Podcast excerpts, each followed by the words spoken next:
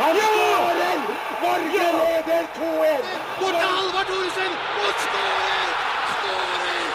Og Lars skyter i mål! Vi leder 2-0, og Lars Bohinen har gjort det igjen!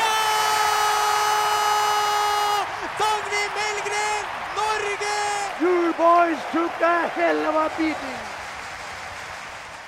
Norge-Serbia er utsatt igjen. Eliteserien og toppserien er satt på vent. Og hva skjer med overgangsvinduene i Norge og Europa som følge av koronautbruddet? Det er torsdag 2. april. Du hører på Podball. Nils Fiskekjønn, direktør for NFFs konkurranseavdeling, velkommen. Takk for det. Ja, I går så hadde Uefa et uh, viktig møte. Videomøte var det vel, med 55 uh, nasjoner. og en av mange foreløpige konklusjoner det er at uh, playoff-kampen mot Serbia den er utsatt uh, nok en gang. Ja, stemmer. Um, Vurderingen til Uefa var at dette er svært vanskelig å gjennomføre nå i disse koronatider rundt omkring i Europa. Og, og beslutningen om å utsette var nok ganske enkel, tenker jeg. Og da er jo spørsmålet Går det an å si noe om når den blir spilt?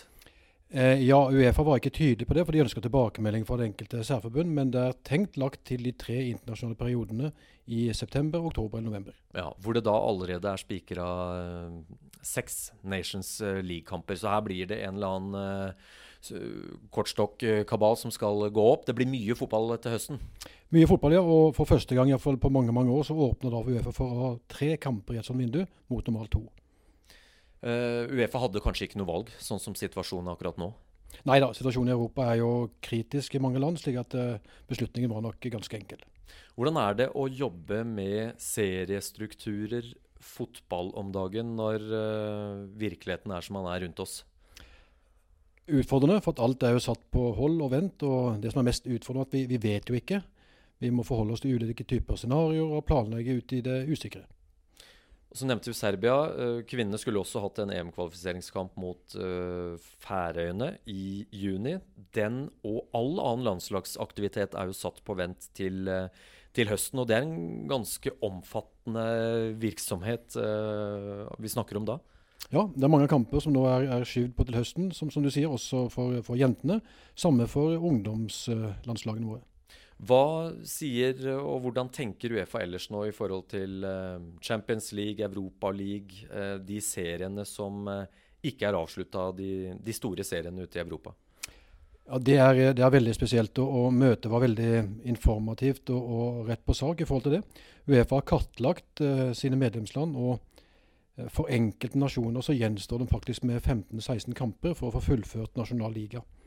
Så uh, det å legge forholdene til rette for at nasjonale konkurranser kan uh, fullføres, er en viktig sak også for Uefa. Hva med Champions League, Europa League, som uh, jo ikke er fullført, men uh, hvor vi, vi, er midtveis?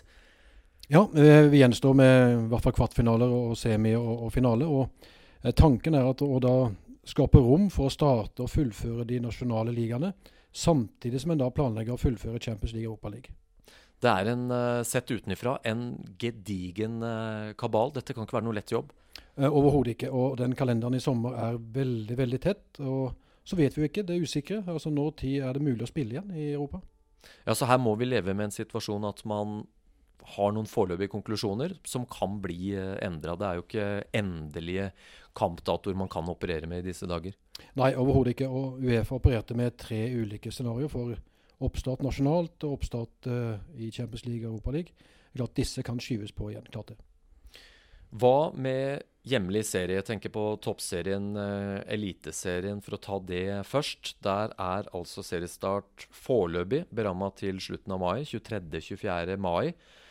Hvordan vurderer du muligheten i dag for å, for å få til det? Uh, akkurat i dag er det vanskelig å si så mye, men, men uh, staten kommer med et nytt beslutningspunkt den 8. april. Da vet vi noe mer. Så vi, vi får se hva det kommer da. Eh, fortsatt så holder vi på 23. mai. I tillegg så jobber vi også som Uefa med ulike typer scenarioer fremover for oppstart. Og så er det jo en problemstilling med eller uten uh, tilskuere f.eks. når man starter. Går det an å si noe om det? Ja, da, altså Det ideelle hadde selvsagt uh, å starte fotballen for publikum og med publikum til stede. Det er det vi alle ønsker. Uh, jeg tror nok realiteten nå er at vi må være forberedt på å starte uten tilskuere. Dialogen med klubbene, alle andre interessenter i disse dagene, hvordan er den? Eh, jeg opplever den som veldig veldig god. Vi satte tidlig ned en gruppe bestående av eh, oss her i NFF, og, og på herresiden med NTF og klubbene, og ikke minst rettighetshaver Discovery. Så vi er, vi er, tett i den gruppa og jobber tett sammen om dette. Tilsvarende på, på kvinnesiden, hvor vi har en, en gruppe med, med toppfolk kvinner, og hadde et svært møte med samtlige klubber her for en uke siden. Hva med um, Obos-ligaen, Post Nord, Norsk uh, Tippingligaen? Ja, gjerne ta Obos og Post Nord i, i, i samme, for de er ganske like sånn sett. Der har vi mange datoer. Mm. For der har vi ingen uh, lag som skal ut i europakvalik. Slik at, at, der har vi mange midtuker å spille på. Og dette er profesjonelle klubber med mange profesjonelle spillere, så de kan nok reise noe mer i midtuke. Norsk Tipping uh, vurderer vi kanskje litt annerledes, som er Eh, hobbyspillere, amatørspillere, som nødvendigvis ikke har den muligheten for å kunne reise i, i midtuke, og heller ikke har stadioner med flomlys. Og så har dere allerede tatt noen grep eh, med tanke på, på NM? NM eh, henger jo tett sammen med de andre konkurransene. Vi tok en beslutning her for, for en måned siden om at vi avlyser kvalifiseringen i år. Det var rett og slett ikke mulig å få gjennomført den i kretsene. Så, men inntil videre så planlegger vi med at NM skal gå, kanskje i en redusert form, men gå vi skal kåre, kåre norgesmester også i år. En annen ting som blir påvirket av situasjonen nå, det er uh, overgangsvinduet. Og der er det også tatt uh, grep, fordi det første norske overgangsvinduet strakk seg jo fra 9.1, var det vel, til 1.4. Og så har man gjort noen uh, vedtak her nå når da seriestrukturen endres. hva er fakta der? Det er en, en, veldig spesiell sak, og den er veldig spesiell i Norge. fordi at i henhold til norsk arbeidsmiljølov så har en person, om det er deg eller meg eller en fotballspiller, som er permittert mer enn 14 dager, har da rett til å gå til en annen arbeidsgiver. Mm. Den gjelder også fotballspillere. Den er helt særnorsk. Jeg har vært i kontakt med både Sverige og Danmark. Det er ingen tilsvarende regel. Klubben er naturlig veldig opptatt av dette, så vi skrev ganske tidlig til Fifa og ba egentlig om et forbud mot overganger i denne perioden. Som en solidarisk ordning? Riktig, som en solidarisk ordning i Europa. Mm. Eh, vi har ikke fått gjennomslag for det. Men eh, Fifa har åpna for at vi kan være mer fleksible med vinduene i denne perioden. Så eh, vi tok en runde sammen med klubbene, og, og som du sier, vinduet, vintervinduet vårt det, det, stengte i går, eller i natt. Og, eh, og etter en spørreundersøkelse hos klubbene så valgte vi da å splitte sommervinduet på fire uker på to, altså to pluss to. Kjøre to uker før seriestart og to uker i midt i, i serien. Så her eh, kan klubbene si, korrigere sin egen sportslige situasjon med et, med et ekstra toukersvindu inn mot eh, seriestart, når vi vet når det blir. Men så får de da halvert sommervinduet. Det er riktig. Eh, Fifa åpner for en fleksibilitet, men da veldig tydelig at det maks antall uker er 16 per mm. år. Hvor viktig er dette for klubbene? Veldig viktig. Eh, mange overganger ble satt på hold nå i forbindelse med, med smittesituasjonen. slik at eh, det var nok flere overganger som ikke ble fullført. Slik at en nå får en ny mulighet inn mot seriestart til å muligens komplettere spillerstaller. Så har vi jo mange utfordringer om dagen. Uh, vi skal la den ene ligge, for der finnes det ikke nødvendigvis noe åpenbart fasitsvar. Tenk på permitterte spillere og hva ulik praksis i klubben osv. Men hvilke andre store utfordringer har dere nå inn mot den uh, nye sesongen som er satt på vent? Altså den, den, absolutt største utfordringen er at vi ikke vet. Vi, vi planlegger for det ukjente. Så det å kunne komme i gang med skikkelig trening og etter hvert med kamper, eh, det er kanskje det viktigste. Og så er det jo sånn at når det er 16 eh, klubber i uh, Eliteserien og jeg skulle til å si tolv i toppserien. Det er det ikke lenger. Det er jo da er redusert til ti. Men uh, poenget mitt er jo fort motstridende interesser innimellom også blant uh, klubber. Vi ser det i forhold til permitteringssaken. Og det kan jo komme ganske motstridende interesser òg i forhold til spille med eller uten tilskuere. Når skal vi starte? Uh, selv om alle er enige at man skal følge helsemyndighetene.